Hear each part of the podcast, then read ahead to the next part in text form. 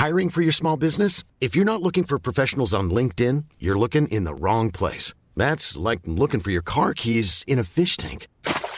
LinkedIn helps you hire professionals you can't find anywhere else, even those who aren't actively searching for a new job but might be open to the perfect role. In a given month, over 70% of LinkedIn users don't even visit other leading job sites. So start looking in the right place. With LinkedIn, you can hire professionals like a professional. Post your free job on linkedin.com slash people today. There's never been a faster or easier way to start your weight loss journey than with PlushCare. PlushCare accepts most insurance plans and gives you online access to board-certified physicians who can prescribe FDA-approved weight loss medications like Wigovi and Zepbound for those who qualify. Take charge of your health and speak with a board-certified physician about a weight loss plan that's right for you. Get started today at plushcare.com slash weight loss. That's plushcare.com slash weight loss. plushcare.com slash weight loss.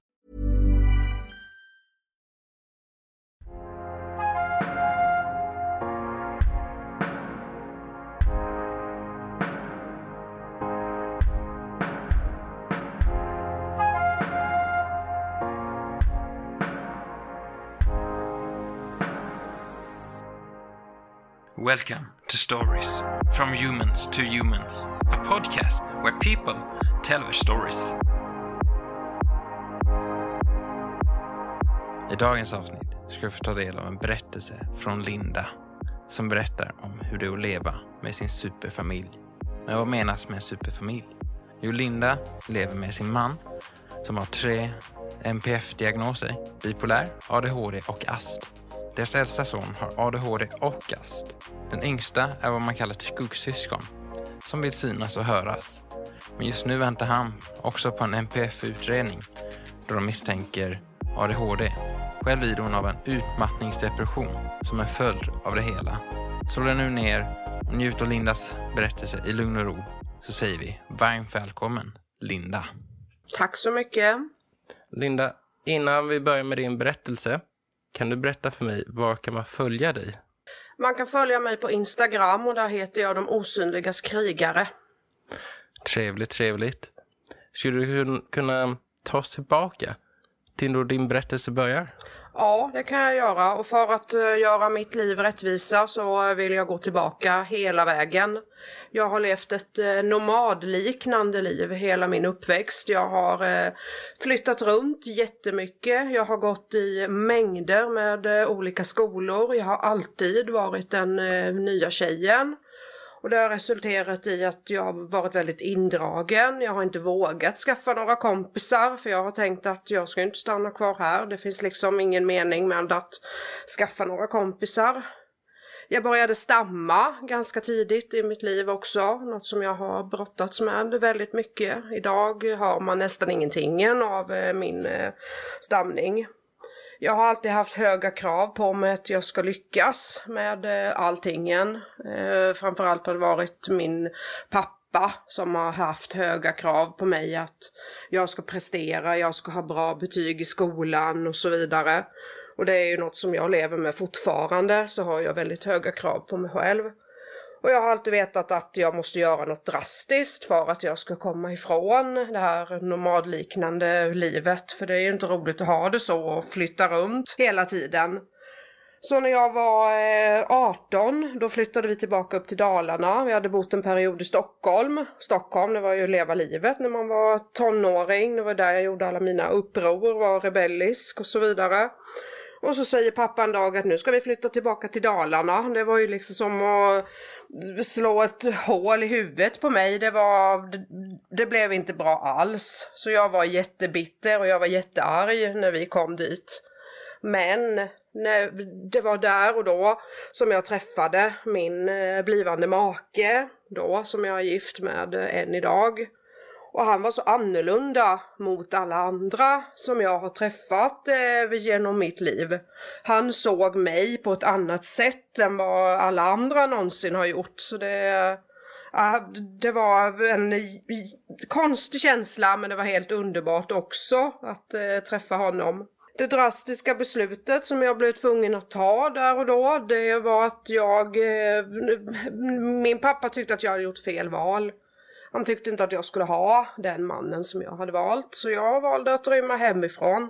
Och sen dess har inte jag haft någon kontakt alls med mina föräldrar. Usch. Mm. Fattar inte det här när föräldrar ska lägga sig in i en kärleksliv. Nej, det förstår inte jag heller. Det, men det, ja, det är något som jag eh, brottas med eh, än idag. Att, eh, att de valde bort mig, känns det som. Det är ju exakt vad de gjorde. Ja, Du har väljer din partner, inte deras liv. nej, precis. Vad hände sen? Eh, sen bestämde vi oss för att eh, vi vill ju starta ett helt nytt liv, eh, min man och jag. Så att eh, eftersom jag har flyttat runt så mycket så fick jag välja var vi skulle flytta någonstans. Småland är den plats jag alltid har känt mig mest hemma på. Så då blev det att vi flyttade till eh, Oskarshamn 2001. Och eh, sen dess eh, har vi varit kvar i eh, Oskarshamn och startat vårt eget liv där. Långt bort från alla andra. Vi har liksom inga släktingar alls i Oskarshamn utan vi har byggt upp ett eget liv där som vi är väldigt stolta över. Måste vara väldigt skönt också att bygga sitt egna när man har den bakgrunden. Ja, det är det, är det verkligen. Eh, vi gifte oss eh, 2002 och det valde vi faktiskt att göra uppe i Dalarna eh, eftersom jag, min släkt kommer därifrån. Min farfar bland annat som var väldigt betydelsefull för mig så vi gifte oss på den orten där han var född. Tyvärr vi- gick han bort innan jag träffade Tord så han kunde inte vara närvarande på bröllopet men i tanke på att vi valde orten där han bodde, Stjärnsund, så kändes det ändå som att han var där på något sätt. Så fint. Ja, Eh, jättevackert det här med känslan och känna någon hålla en typ om axeln. ja Som är precis. nära. Vilken dag det måste ha varit. Ja, det var det. Det var 23 juni 2002 var det. Var det kyrkligt eller var det? Nej, vi hade borgerligt så vi gifte oss faktiskt utomhus. Eh, precis vid en eh, sjö som man såg eh, ut över eh, kyrkogården där, där min farfar ligger eh, begravd också. Så då kände man ju hans närvaro lite extra där. Hur gick ceremonin till för dig? Eh, vi, det var faktiskt eh, Tårds gamla lågstadielärare som var våran eh, vigselförrättare. Så det var lite rolig twist på det hela. Så det, annars går det till nästan som en vanlig vigsel förutom att man inte har eh, det, allt det här med Gud eh, inblandat. Annars är det precis som vanligt. Gick ni in eh, ihop eh, till där ni då stod eller Ja, det gjorde vi. hur kändes det? Det kändes som att det var det rätta. Det, jag, jag kände redan från början när jag träffade Tord att det här är den personen jag ska leva mitt liv med. Så det var liksom bara en, ja, ett bekräftande på att det här är rätt val. Men det var ju många som eh, tyckte att vi gjorde fel, att vi var alldeles för unga för att gifta oss och det här kommer aldrig hålla och ja, det, det var mycket sånt från omgivningen. Så, så här i eh, efterhand så eh, är det eh, ganska roligt att nu kan vi knäppa dem på näsan och säga att vi är faktiskt fortfarande är gifta med varandra. Så det, ja, det funkade. Folk inte vara så snabba att döma. Ja, Framförallt om man tänker några generationer bak. Då gifter de sig som 16-åringar. ja precis. Men nu för tiden så tycker folk det är konstigt att man gifter sig när man är väldigt ung. När vi var 19 och 20 fyllde vi det året som vi gifte oss. Vad hände efter bröllopet? Ja, sen eh, åkte vi hem igen till eh, Småland och eh, skapade vårt liv här. Vi eh, kämpade länge för att få barn. Vi började nästan tro att vi inte kunde få barn, så det var en väldigt jobbig period innan vår första son föddes eh, 2009. Så dröjde det ytterligare fyra år innan eh, nästa kom då 2013. Så det var en ganska tuff period när man liksom tror att man inte kan få barn och sen plötsligt så kommer det ändå. Ja, en märklig period men ändå att vi ändå lyckades till slut. Som man har hört innan i den här podden. Det, det är en självklar resa med barn. Nej, Men det är en fantastisk resa. ja, det är det. Hur var det då att bli gravid sen? Ja, det var ju en, eh, en lättnad var det när jag äntligen fick reda på att eh, jag var eh, gravid. Men jag trodde ju inte på det riktigt, det tog ju lång tid innan jag verkligen fattade att det här är på riktigt, jag kommer få ett barn. En omvälvande period var det i livet, att äntligen bli gravid.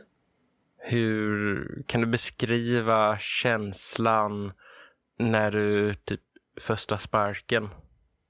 Eh, vilken lättnad att, eh, att eh, han lever där inne. var nog min första känsla där. För jag visste, jag hade på känn att det var en han. Det hade jag he hela vägen. Det är intressant det där, hur många kvinnor säger att de känner på sig det. Ja. Det var likadant när jag väntade min andra också. Det också. Det, jag har två pojkar och då kände jag också att det här är en pojk. Men då var det jättemånga i min uh, omgivning som, som sa att det var en flicka. Nej, sa jag, det är en pojk till. Jag, jag var helt övertygad om det. Och jag hade rätt. Det var till och med folk som gjorde vadslagningar med oss. Som vi vann. Så ja. vi fick gratis middag och pizza, en pizzakväll vann vi. Vad trevligt. Ja. Vad synd, du skulle satsat. Ge mig ditt hus ja, eller? Ja, precis. Jag borde ha gjort det. Så, så i efterhand kan man tänka det. Om vi tar fortsätter på din berättelse.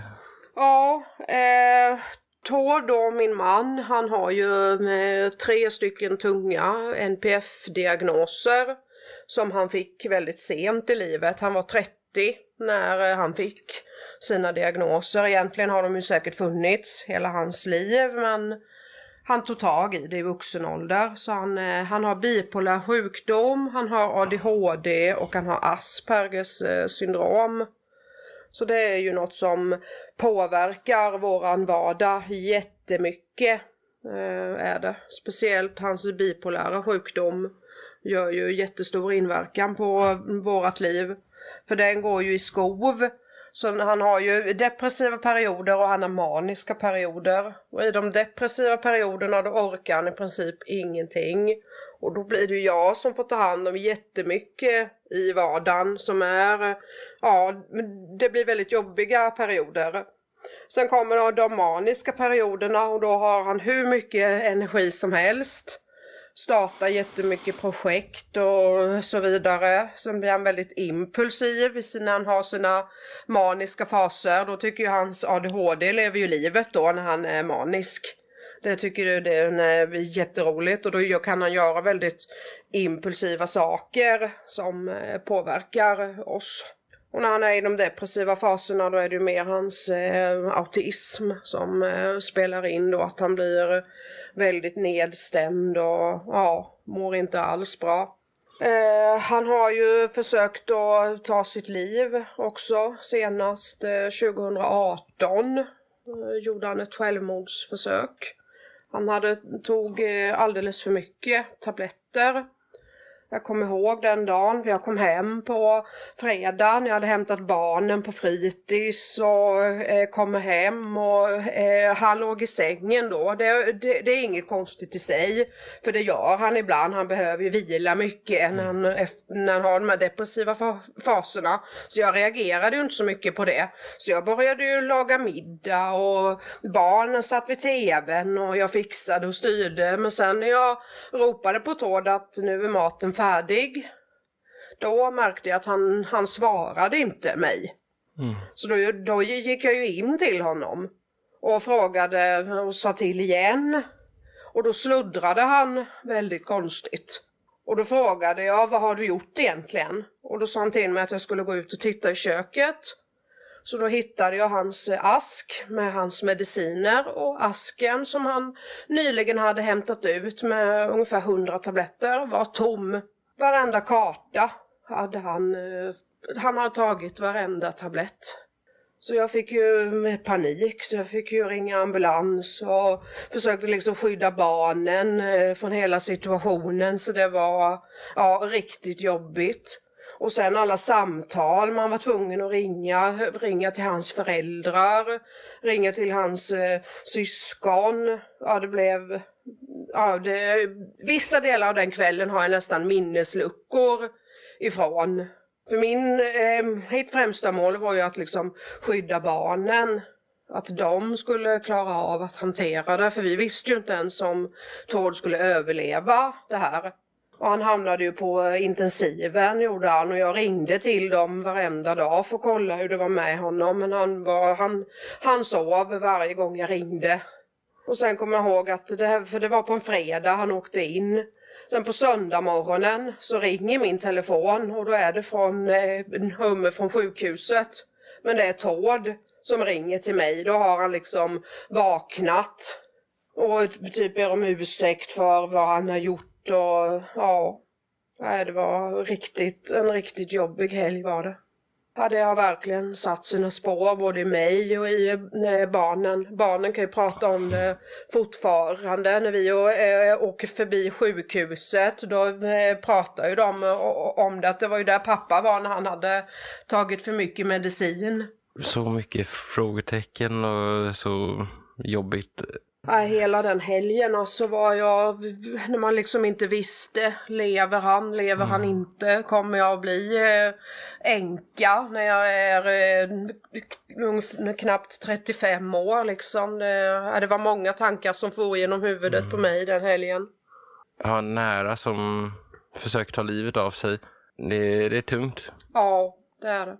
Framförallt också att eh, hitta personen i situationen. Ja. Och framförallt för barnen då eh, tänker jag jättemycket på. Mm. Att det blev ju väldigt jobbigt för dem att vara med om hela den här eh, situationen. Hur tog barnen det här efteråt? Vet de vad som har hänt eller? Jag har ju försökt förklara för dem och liksom sagt att eh, pappa tog, har tagit för mycket mediciner. Mm. Det är därför han fick åka till sjukhuset förklarat för dem liksom som, så bra jag kan. Mm. Vet ni vad det var som ledde fram till att han försökte ta livet av sig? Ja, det var ju att uh, han kände sig som att han bara var en börda för uh, familjen. Så han uh, orkade helt enkelt inte längre och fick ett sån här impulsanfall eftersom han har ju dålig impulskontroll på grund av sina diagnoser då. Så i en sån impuls så gjorde han det. Och på tal om alla dessa impulser och eh, alla diagnoser han har då. Jag menar, det måste, både du och han måste ju ha tänkt på det tidigare i livet. Ja, vi har ju alltid förstått att det har varit någonting men sen eh, är man ju mycket så att man vill fungera som alla andra. Det är ju det som har gjort att det har dröjt så länge innan han har tagit tag i det. Att faktiskt göra någonting åt att han kanske inte fungerar som alla andra utan det kanske, han kanske behöver extra stöd och extra hjälp. Det här med alla andra, jag tycker det är så skev bild utav verkligheten. Jag vet inte vad du och din familj tycker för att enligt mig det finns ingenting alla andra. Nej, det gör det inte. Alla är unika. Ja, men tyvärr är det ju lite så samhället fungerar fortfarande än idag att eh, alla ska in i fyrkanten. Man får liksom inte vara en eh, triangel eller en cirkel utan alla ska vara fyrkantiga för att man ska passa in i samhället. Så jag tycker inte att vi har kommit så långt som vi borde ha gjort mm. i allt det här. Sanningen är att alla vi är ju egentligen enkla molekyler som i ständig förändring. Ja. Så det finns ingen form på oss. Nej, så det, ja, det finns mycket som behöver göras i eh, samhället fortfarande och det är ju det jag eh, brinner för och slåss för. Det är därför jag kallar mig för de osynligas krigare för jag slåss ju för de som har funktionshinder som inte syns. För det syns ju inte utanpå att du är bipolär. Det syns inte utanpå att du har eh, ADHD. Men mm. det kan ställa till det jättemycket för dig i vardagen, i att klara av saker ute i samhället. Mm. Och då behöver man kanske lite hjälp och stöd på vägen. Även om det inte syns på utsidan. Väldigt sant. Ja. Vad var det som hände då runt 30-årsåldern som ledde fram till att ni faktiskt tog tag i diagnosen där? Ja men det var ju att eh, eh Todd eh, började märka då att han hade svårt att behålla eh, jobb, han hade svårt att behålla eh, praktiker och så vidare och han började liksom undra vad beror det på? Varför klarar jag inte av att behålla ett jobb? Så det var det som ledde fram till att han eh, tog kontakt med psyk eh, psykiatrin för att få eh, utredning och kunna få hjälp. Och så här i efterhand så tycker han ju att det är bland det bästa han har gjort. Även om det har tagit tid för honom att acceptera att han faktiskt har de här diagnoserna. Och det kan man ju förstå också att det, det är ju inte så lätt att kanske acceptera mm. att man inte fungerar som alla andra, att man kanske behöver extra stöd och så vidare i livet. Det är en, en kamp. Ja, det är det. Hur har ni, ert liv förändrats tycker du sen ni fick den hjälpen? Och det har ju varit både upp och ner i tanke på att det har tagit tid för Tord att eh, acceptera eh, sina diagnoser. Så jag, vi, jag försöker stå där och stötta honom och, på alla sätt som han försöker. Men nu på senaste tiden så har det bara blivit bättre och bättre. Det känns som han mer och mer accepterar att han faktiskt har den här problematiken och han behöver ha hjälpen. Nu har han ju nyligen börjat på daglig verksamhet och det tycker jag är jättebra. Han får komma ut, han får göra någonting igen, får känna att han är viktig. Han har ju mycket bra hjälp från eh, psykiatrin. Vi går ju på familjebehandling. Eh, för i, samband med det här själv, självmordsförsöket så blir det ju alltid anmälningar till mm. socialtjänsten i tanke på att vi har barn. Och då eh, valde vi att ta emot familjebehandling och det är bland det bästa vi har gjort. Att vi liksom får hjälp med våran vardag, hur vi ska vara bra föräldrar, hur är vi ett bra par tillsammans. Ja, det har hjälpt oss jättemycket, familjebehandlingen. För många är ju så rädda för socialtjänsten mm. att eh, typ de kommer ta barnen ifrån oss och sådana saker är det många som lätt tänker om socialtjänsten. Mm. Men eh, så är, är, det ju inte. De tänker ju på barnets bästa och i de allra flesta fall så är ju barnets bästa att vara hos sina föräldrar men att föräldrarna behöver hjälp och stöd. Och vi, det har vi valt att eh, eh ta emot. Så det är verkligen något som jag vill skicka med att inte vara så rädd för socialtjänsten. För de, de vet vad de gör. Jag vet inte, det är väl någon mänsklig instinkt att alltid tänka det värsta. Ja. Men um, det är ju mycket som du säger. De är inte till där för att sno dina barn. De är till där för att hjälpa dig att vara en bättre förälder ja. om det går. Ja. Vi hade ju också fördomar eh, innan att varför ska de komma och klampa in i vårat eh, liv? Varför ska de eh, komma hem till oss? Varför ska de lägga sig i hur vi lever, hur, hur vi är föräldrar, ifrågasätta oss, hur vi gör? Och komma med pekpinnar och grejer men sen när man träffade dem så var det inte alls det som var fallet. Så man, ja, man fick verkligen slå hål på sina egna fördomar man hade. För det är ju så man tänker när någon kommer och ska klampa in i ens hem och titta hur är man som förälder. Man känner ju som att man blir bedömd och granskad. Men vilken resa? Ja, Sen har ju eh, vår äldsta son, han har ju också eh, diagnoser. Eh, Wendel heter han, han är 13. Han fick sina diagnoser när han var 8 vi började märka, egentligen märkte man ganska tidigt att han inte var riktigt som eh, alla eh, andra barn. Han kunde liksom sitta på, när han gick på förskolan, han kunde sitta i samlingen och eh, titta ut genom fönstret och de trodde inte att han lyssnade alls, inte hörde på. Sen när de frågade honom något, då kunde han ju svara på det, då hade ju han hängt med ändå. Fast han satt och tittade ut genom fönstret. Eh, sen när skolan börjar då ökar ju kraven. Och det var då vi började märka att eh, det är nog något som inte stämmer här. Så då satte vi upp oss i kö på BUP, fick vänta över ett år i kö på BUP innan vi fick eh, utredning och utredningen bekräftade ju egentligen bara det som vi redan visste. Wendel hade ju ADHD och eh, lätt autism.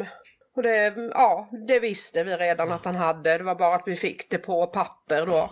Det var inte så att eh, skolan också hade märkt något och sagt något jo, till Jo då, det, de hade ju också eh, signalerat eh, mm. om det. Och det, för att man ska få diagnoserna så ska det ju visa sig i olika miljöer. Och det hade du gjort. Vi hade ju märkt både hemma och skolan hade ju märkt också. De hade ju mycket problem med Wendel. Vad var det för typ av problem skolan märkte av själva då? Eh, det var ju att han inte kunde sitta stilla, eh, han kunde inte riktigt eh, fokusera, han var väldigt impulsiv, hängde ofta med på saker som man kanske inte ska göra. Kompisarna märkte ju att Wendelen som man kan få med och göra saker som kanske inte är rätt att göra. Han hängde liksom bara på.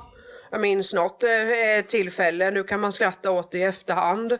Då hade han och en kompis eh, tagit, de hade ätit bananer, stod de sina bananskal, så gick de och öppnade ett annat klassrum. Det satt elever där inne och hade lektion.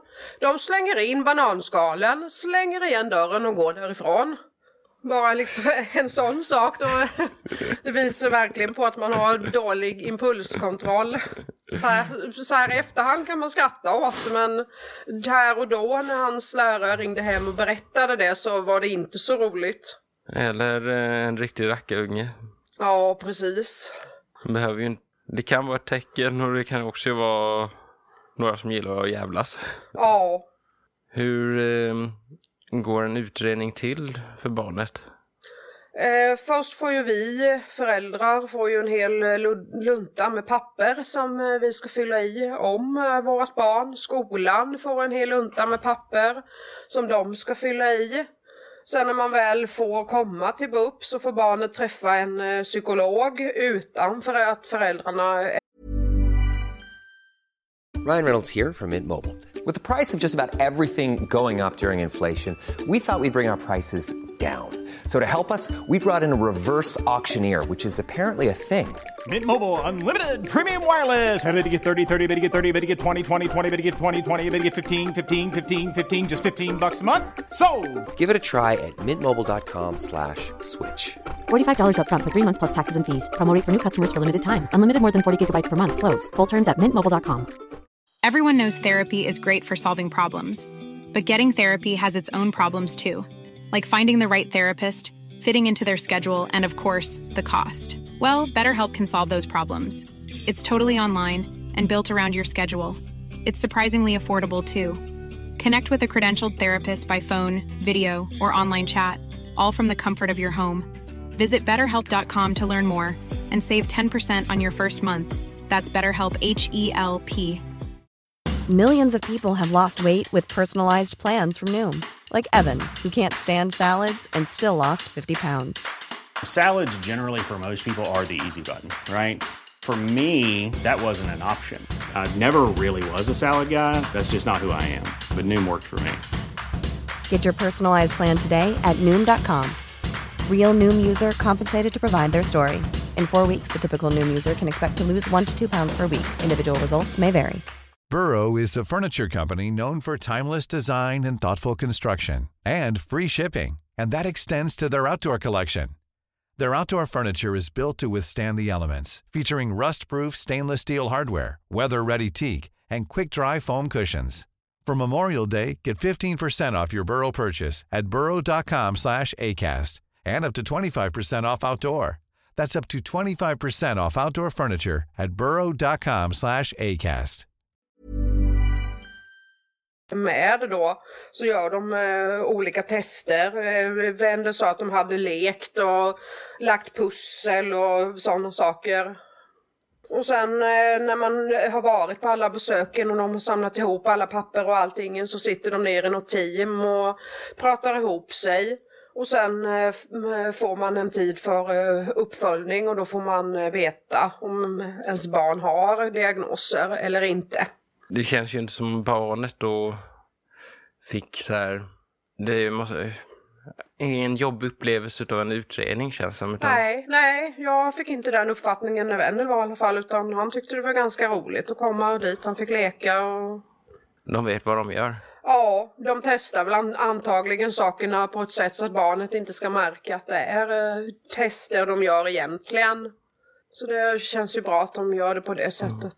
Hur vändes liv idag? Idag fungerar Wendel relativt väl. Vi valde ju till slut att han fick eh, medicinera för sin eh, ADHD och det var som att vända på en femöring. Han har mycket bättre koncentration i skolan. Han eh, orkar mycket mer, mer fokuserad. Så det, ja, det, det blev vändpunkten när vi började medicinera. Sen har, har det alltid varit strul när det kommer till nya övergångar i skolan. Typ man ska börja med, som när han började mellanstadiet. Nu står vi inför en jätteförändring, början högstadiet till eh, hösten. Men där har vi redan en plan. Vi har haft möten och grejer med skolan. Eh, BUP och habiliteringen har varit med också. Så det, det känns som att vi ändå har en bra plan för att få, det, få övergången att fungera bra för honom. Ja, det är så viktigt, framförallt i den åldern. Det är ju en ålder där man börjar försöka hitta sig själv. Ja. Att lära sig då och få en bra övergång i den åldern tror jag kommer spegla resten av hans liv. Ja, det tror jag också. Det händer så mycket när man går i högstadiet. Bara vara tonåring är ju svårt och då vara en tonåring med NPF-diagnoser. Det ger ju liksom extra allt på eh, det hela för honom. Jag vet inte riktigt hur eh, de här diagnoserna påverkas ihop med alla hormoner i kroppen under den tiden. Men jag kan tänka mig att det är en hel del. Ja, det är det. Vi eh, eh, börjar märka ganska mycket eh, nu att han faktiskt är tonåring och att han faktiskt... Det, det är mycket av symptomen som blir mer påtagliga nu när han har blivit äldre. Men det finns ju mycket också, BUP har ju jättemycket både för föräldrar och barnen själva. Så vi ska ju gå någon föräldrautbildning för barn, för föräldrar som har tonåringar med ADHD. Wendel själv ska gå en, en ungdomsutbildning och lära sig om sin eh, ADHD tillsammans med andra eh, ungdomar som också har det.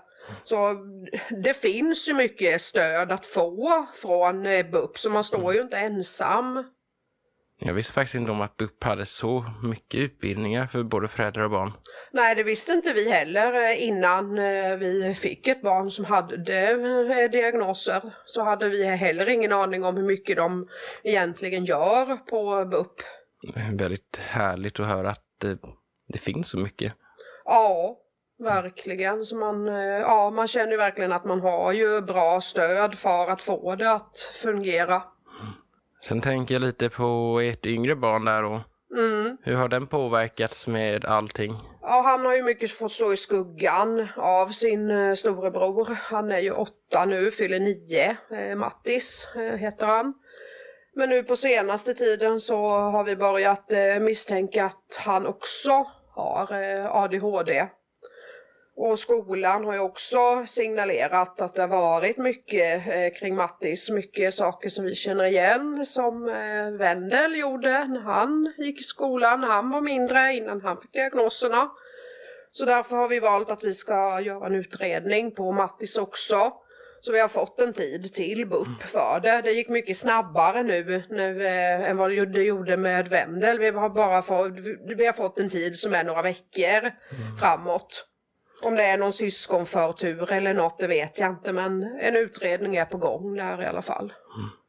Och jag skulle inte bli förvånad om han har ADHD han också. Jag har för mig att det är ärftligt va? Ja, det är det. Så det är ju inte så konstigt om han skulle ha det då. Nej, precis. I tanke på att han har både sin, sin pappa som har det och storebror som har det. Så det vore inte konstigt. Och väldigt skönt att det går fort. Ja. Vad tycker han om det? Eh, ja, ett tag så har han faktiskt nästan varit lite avundsjuk på sin storebror för att han har eh, ADHD. Eh, jag tror inte riktigt han har förstått vad det innebär, att det faktiskt inte är så eh, roligt att ha det. Men han har väl mer tänkt att det låter roligt att ha ADHD. Men jag tror ändå att han liksom accepterar att han eh, kanske har det. Han är ju väl medveten om att eh, vi ska till BUP och att han ska utredas eh, för det. Vi får se vad det visar men jag skulle inte bli förvånad om han har ADHD. Mm. Och mitt i allt detta med din man och dina barn och allting, det är ju faktiskt du. Ja. Hur har du mått under hela den här perioden? Jag har ju utmattningsdepression, eh, har jag. Fick den diagnosen eh, 2017, tror jag det var. Så jag äter ju eh, antidepressiva, gör jag för att klara av eh, vardagen helt enkelt. Och det, många tror ju liksom att, man, eh, att eh, det, sådana saker beror på att det är tufft på jobbet. Men för min del så är det att det är tufft hemma jobbet för mig är ju nästan en fristad istället att få komma och jobba och få släppa eh, min vardag hemma. Vi vet ju då om din man och vi vet om dina barn. Men hur är en dag hemma som har lett fram till detta? Ja, det, beror, eh, det beror ju alldeles på vad, eh, vilken, eh, vilket skov Tord är i, i sin, i sin bipolära sjukdom som är den mest påtagliga diagnosen han har. Men är han i en depressiv fas, då är det ju väldigt mycket vila. Han orkar ju kanske inte umgås så mycket med familjen utan han håller sig mycket för sig själv under de perioderna. Och då är det ju mm. jag som sköter allting hemma och ser till att det fungerar och så vidare. Men nu har den ändå varit ganska stabil.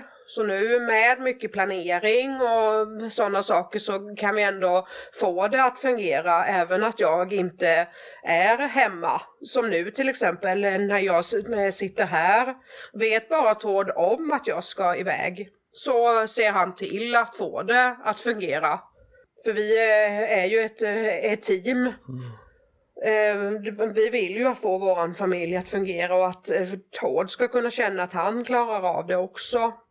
Men som sagt, det, klä, det, kräver mycket planering, det kräver mycket rutiner. Hela våran vardag bygger ju på rutiner. Bryter vi rutinerna så faller ju allting. Då blir det kaos hemma för att alla är ju så beroende av att rutinerna fungerar. Kan vi ta två exempel? En hemsk dag enligt dig i hemmet från morgon till kväll ungefär hur det är och hur du känner dig och en fantastisk dag. Ja, eh, en hemsk dag det kan ju vara om eh, Tord då är i en eh, dålig period. Ofta märker jag det då när jag kommer hem efter jobbet, eftermiddagen där att eh, han ligger och vilar Eh, jag får styra med eh, maten, jag får se till att barnen gör eh, läxorna, Tord orkar liksom ingenting. Och då blir ju jag, eh, jag blir ju nästan lite sur på honom för att eh, han inte har gjort någonting än när jag kommer hem. För det kan ju liksom ligga kvar disk från morgonen och så vidare. Och, och det skapar ju irritationsmoment hos mig. Vi, vi gör det fast jag egentligen så vet jag ju att han kan ju inte hjälpa det för att han mår dåligt. Men jag bygger ju ändå upp någonting i min hjärna och blir liksom eh, irriterad och då blir ju jag eh, arg. Jag kanske inte har lika mycket tålamod med barnen om de börjar krångla med läxorna och så vidare. De får ingen glad mamma helt enkelt när vi har sådana dåliga dagar. Sen när vi har våra bra dagar, då är det ju en jättehärlig eh, eh, känsla att komma hem. Och Tord kanske han står och förbereder maten eh, när jag kommer hem. Barnen verkar mera harmoniska och glada. Och det gör ju att jag kan behålla min positiva känsla som jag har med mig efter jobbet. kan jag bära med mig hem också. Mm. För jag känner ju väldigt lätt av eh, sinnesstämningar. Jag kan ju känna redan när jag kommer innanför dörren hur Tord mår.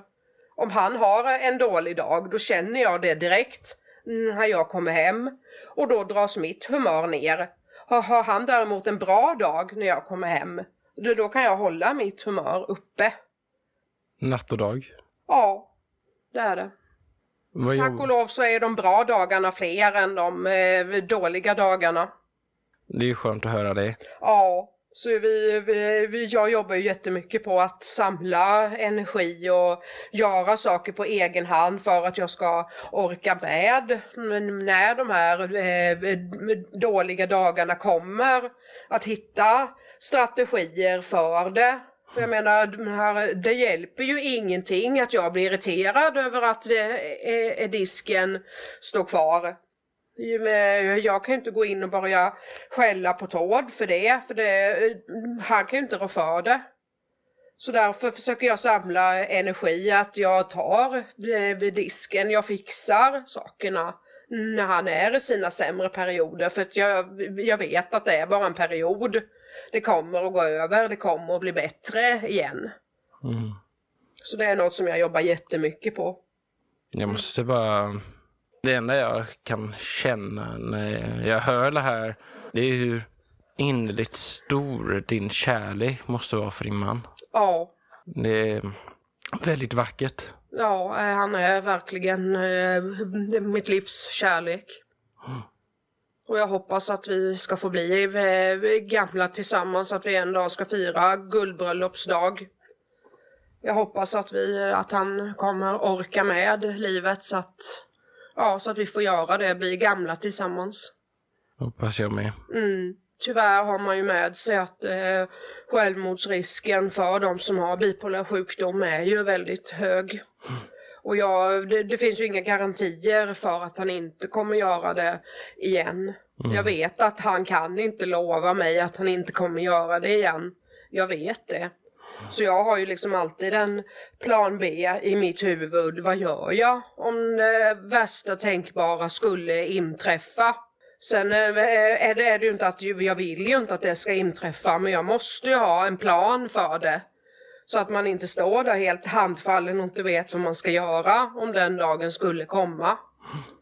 För jag måste ju fortfarande se till barnens bästa. Mm, det är så hemskt att behöva fråga det men hur är din plan B? Min plan B det är ju eh, att jag, eh, jag vet att vi alltid har vänner omkring oss som vi kan eh, ringa dygnet runt. De kommer om det skulle vara så att barnen och jag behöver dem. Så det är det som är, är planen, att vi har ett nätverk omkring oss med folk som kommer fånga upp oss och finnas där för oss om vi skulle behöva det. Jag hoppas aldrig den dagen kommer. Nej, det hoppas inte jag heller att det kommer göra. Vad händer mer i ditt liv? Mer i mitt liv? Ja, förutom mitt jobb då. Jag jobbar ju som eh, stödpedagog eller elevassistent heter det ju inom skolans värld. Men jag har ju utbildat mig som stödpedagog på eh, yrkeshögskolan. Så jag har ganska mycket kompetens om NPF. Så jag jobbar ju med det som jag har hemma också. Och förutom det så är jag ju ledare inom eh, parasport. Jag är med och tränar eh, Kraftstaden Fighters som är ett eh, innebandylag i Oskarshamn inom eh, parasporten. Och det är bland det roligaste fritidsintresset jag har. Det är helt underbart att vara på träningarna med det laget och följa med på matcher och så vidare. Det ger mig jättemycket energi, gör det. Och för de som inte vet eh, om paradsport, det är ju för folk med funktionshinder. Ja, det är det. Både synliga och eh, osynliga. Hur går det till när man spelar innebandy? Ja, det är ju som eh, en vanlig eh, innebandymatch. Eh, är det. det är vanliga regler och så, bara att vi kanske, mm, vi ledare kanske måste lite extra gå in ibland om spelarna tappar humöret och sånt och plocka av dem från planen och sådana saker. Vi jobbar ju jättemycket med hur man ska bete sig på planen att eh, han kastar inte klubban för att man blir arg och så vidare. Och vi jobbar jättemycket med att eh, det viktigaste det är att man har roligt, inte att vinna. För vi, vi har ju många vinnarskallar som kanske blir lite sura när det inte går som eh, de har tänkt sig. Så det är något vi jobbar stenhårt på. Är det paradsport fortfarande att alla har förmågan att gå eller sitter de i rullstol eller hur är det för dig? hos oss är det bara de som kan eh, gå. Vi har inte möjligheten att ha eh, rullstolar tyvärr i vårat lag. Det vet jag också, det skiljer ju sig jättemycket mellan parad och parad. Ja, det gör det.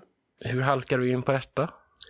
Eh, jag eh, känner ju den som är huvudtränare för eh, laget. Vi har jobbat ihop ganska många år innan när vi båda jobbade inom omsorgen. Så han ringde upp mig förra året och frågade om jag var intresserad av att vara med i med laget. För de, han kände att de behövde vara fler ledare. Och då tackade jag självklart ja jag tyckte det, det var jätteroligt att jag blev eh, tillfrågad. Så det, det var så jag halkade in på det.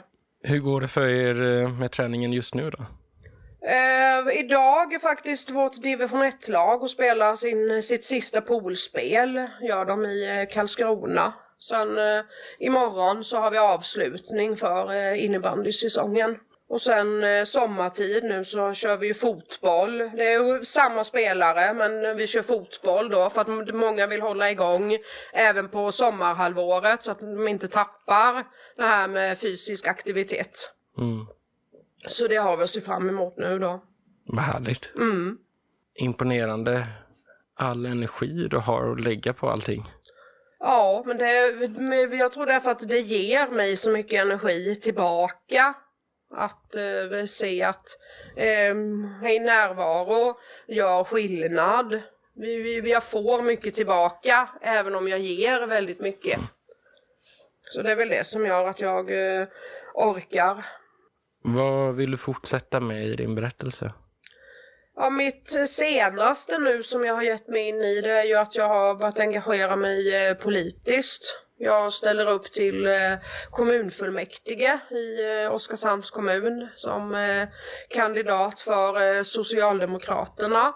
För jag ser en eh, stor chans att inom politiken faktiskt kunna göra skillnad på riktigt.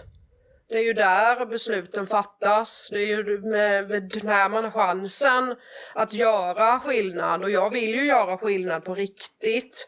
Jag vill ju skapa ett samhälle där alla känner att de är eh, välkomna, även de som har funktionsnedsättningar.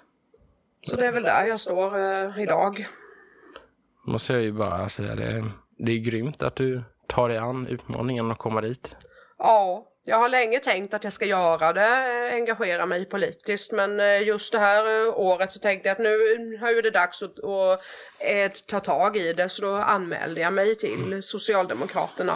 Jag har alltid känt mig närmast det partiet, deras värdegrund om allas lika värde och sånt stämmer så bra överens med hur jag själv tänker om mina medmänniskor. Jag önskar dig all lycka till. Tack så mycket. Ja, innan vi avslutar.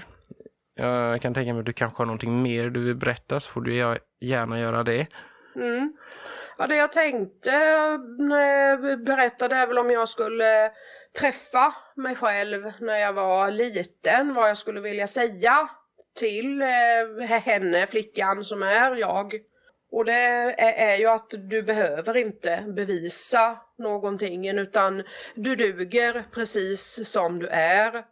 Och även om det känns jobbigt just nu med alla flyttar och allting, eh, det kommer bli bra. Du kommer att klara det helt enkelt. Fina ord till dig själv. Mm.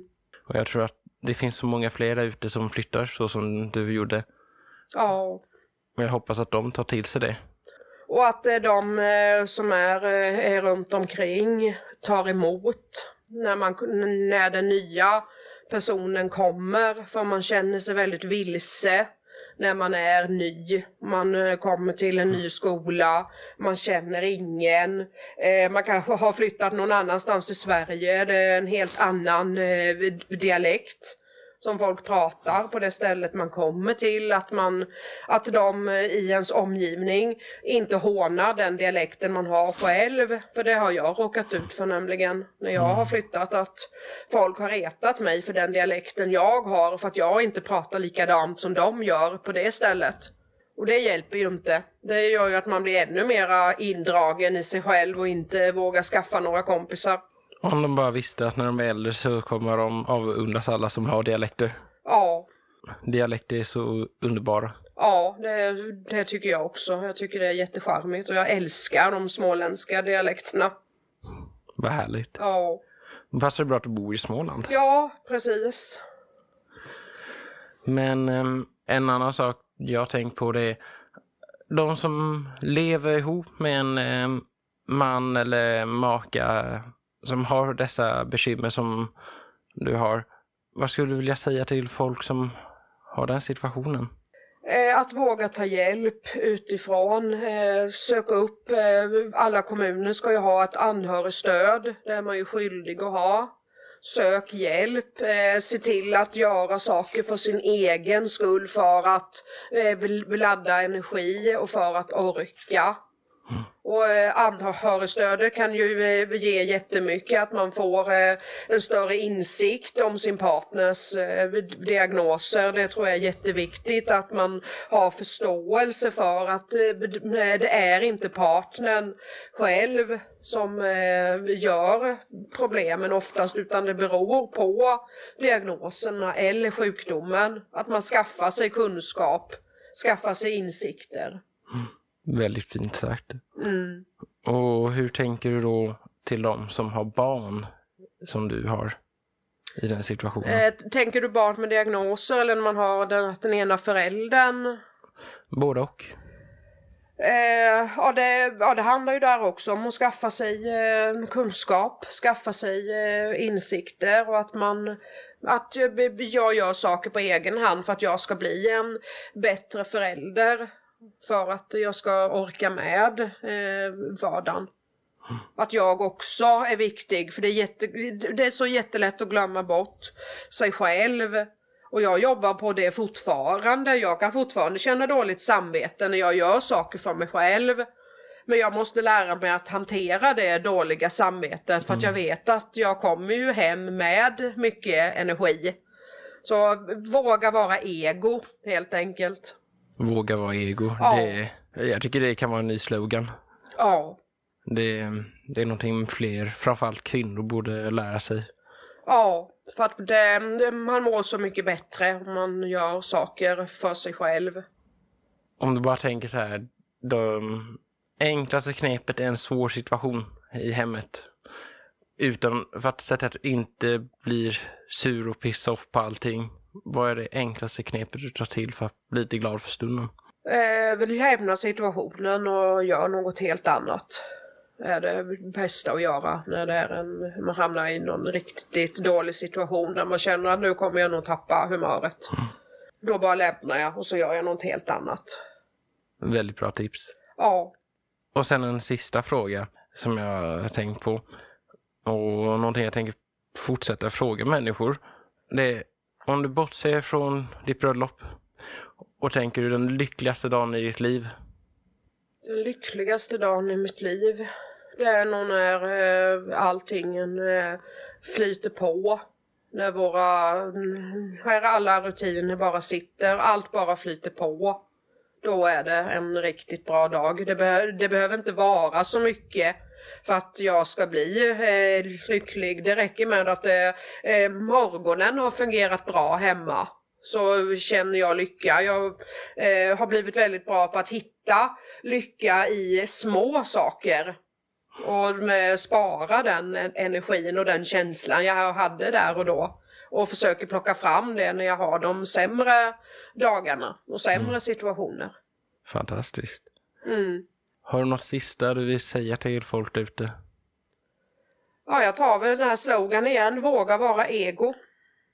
Då säger jag tack så mycket Linda. Tack för att jag fick vara med. Och tack för att du delar med dig av ditt liv med en superfamilj. Ja, och jag hoppas att det kan hjälpa andra superfamiljer där ute. Härligt. Mm. Får du ha en bra dag. Tack detsamma.